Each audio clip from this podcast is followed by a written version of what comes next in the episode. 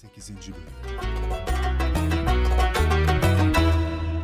Arslan nehre yıkanmaya gidince çakal eşeğin başına geçer. Fakat arslan göğsünü açtığı için eşeğin kalbi kanlar içinde karşısındadır. Kendini tutamaz ve tadına bakmak ister. Tadına bakarken de eşeğin kalbini bitiriverir. Sonra kulaklara geçer. Biraz sonra arslan yıkanmış olarak gelir.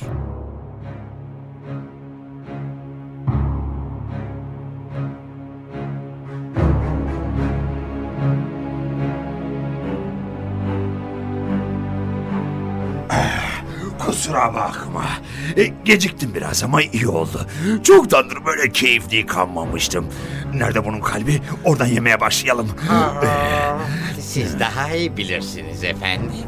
Biz sadece sizden kalanları yemeye alışık olduğumuzdan organları yerli yerinde hiç görmeyiz.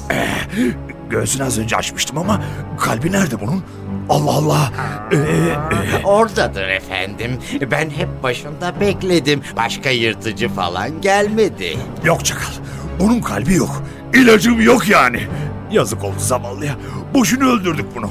Şimdi ne yapacağız? Oh, oh, oh. Allah Allah. Öyle ya kalbi olsaydı bana kalıp ikinci defa tekrar buraya gelir miydi? Haklısınız efendim. Tüh.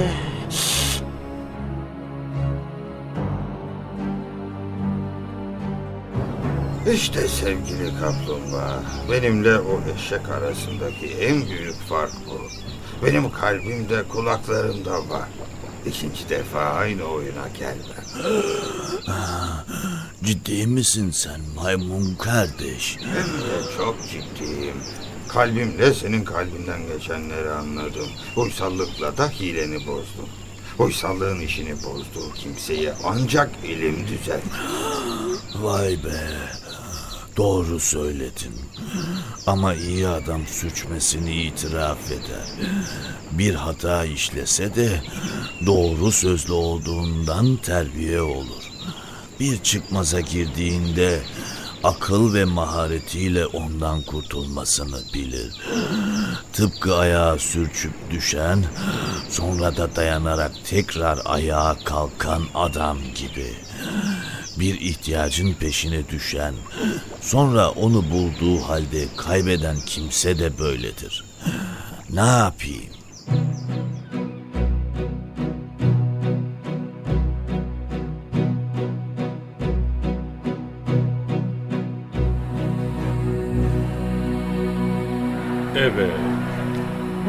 Hikayeler de güzel. Teşekkür ederim. Filozof Bey de var. Emredin efendim. Estağfurullah. Sadece rica ederiz. Buyurun, sizi dinliyorum. Bazen konuşmaktan dinlemeye geçmek çok dinlendirici olmalı. Estağfurullah. Şey diyecektim. Bize bir de şu konuyu açıklasan. Düşünmeden, sonuna bakmadan, işinde acele eden adamın akıbeti ne olur? Nasıl olur? Bunu anlatsan. İsabet buyurdunuz efendim. Kitabımızda gelen bölüm bu konuyla alakalı. Hadi başla o zaman. Ne duruyoruz?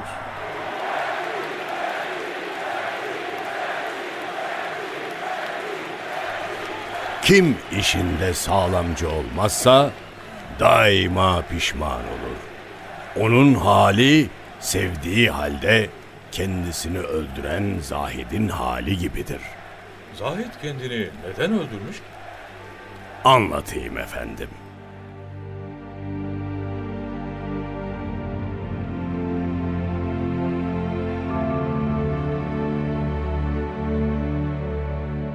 Zahid'in biri bütün zamanını ibadet ve taatle geçirmek için inzivaya çekilmiş. Arkadaş olarak sadece bir kedisi varmış. Nice seneler bu minval üzere devam ederek ibadet feyizlerine kavuşmuş. Fakat sonra bu ıssız yerde ibadete devam etmektense kalabalık bir yerde yaşamayı ve orada ibadeti daha makbul görmüş. Dünyada hayırlı bir evlat bırakmanın çok hayırlı bir iş olacağını düşünerek evlenmeye karar vermiş. Düşüncesini yakın arkadaşlarından birine açmış.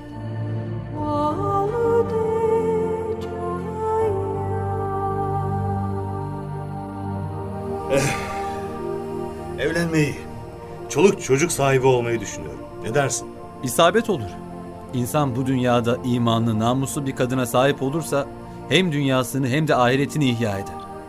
Cenab-ı Hak rızıklara kefil olduğuna göre ne duruyorsun? Tamam da nasıl biriyle evleneyim onu düşünüyorum. Seçilecek kadın evvela kocasını sevecek takımdan olmalı. Güzellikte, malda mülkte, asalette kocasıyla denk olmalı.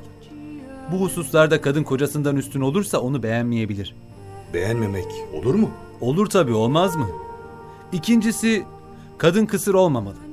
Çünkü evlenmekten asıl gaye evlat yetiştirmektir.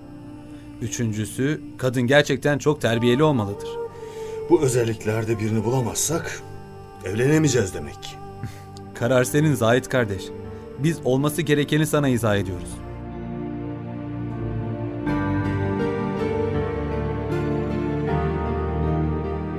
Nihayet Zahit kendine uygun bir kız bulup evlenmiş.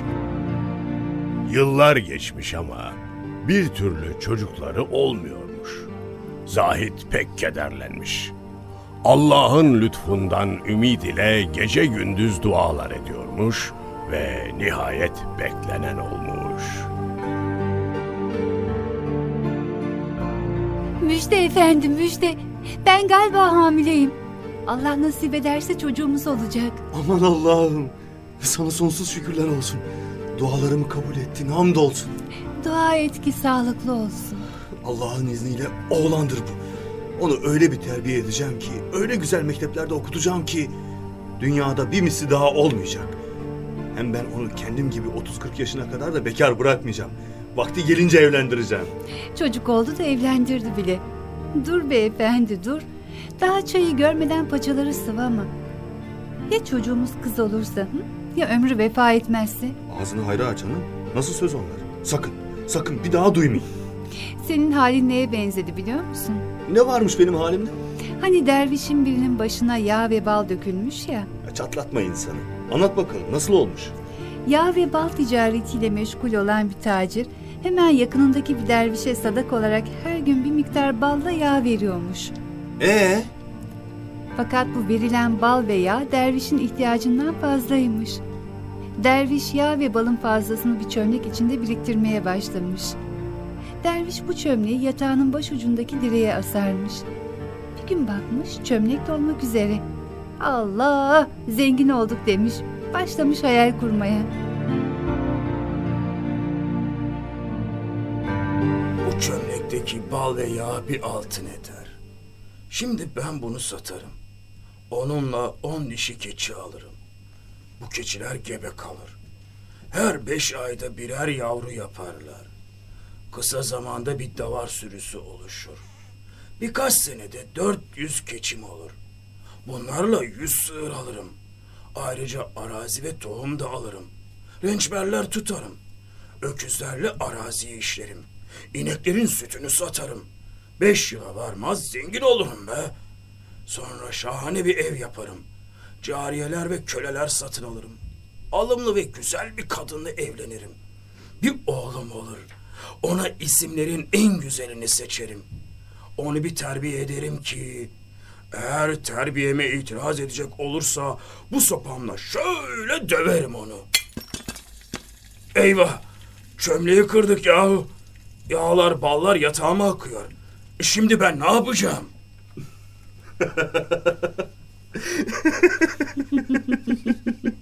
Senin halin de buna benzedi biliyor musun? Daha ortada bir şey yokken bu kadar hayale ne gerek var efendi? Tamam, tamam hanım haklısın. Özür dilerim. Aslında Allah'a karşı da saygısızlık oldu bu. Anladım. Çok sağ ol.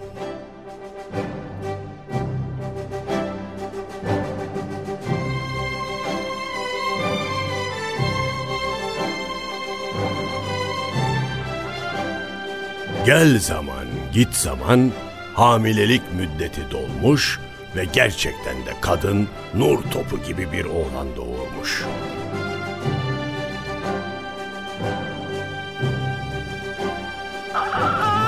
Tamam ağlama bebeğim. Ağlama benim oğlum. Geldim. Geldim buradayım. Şimdi annen gelecek. Sana mama verecek. Ha? Ağlama yavrum ağlama. Şu kediciyi ne güzel terbiye etmişsin. Evimize çok faydalı oluyor. Bize arkadaşlık ediyor. Bakalım oğlunu da böyle terbiye edebilecek misin? Tabii. O benim çok önemli bir arkadaşım.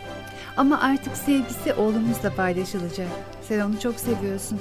O bebeğimizin büyümesinde de bize yardımcı olur. Çok akıllı bir hayvan. Göreceksin. Benim temizlenme vaktim geldi. Sen bebeğe bakıver de ben gidip bir yıkanayım. Olur hanım olur. Merak etme. Karnı da doyduğuna göre artık bir süre uyur. Uyusa da yalnız bırakma efendim. Ne olur ne olmaz. Haklısın. Bırakmam. Ben gidiyorum. Hadi hoşça kal. Tamam merak etme. Ben buradayım.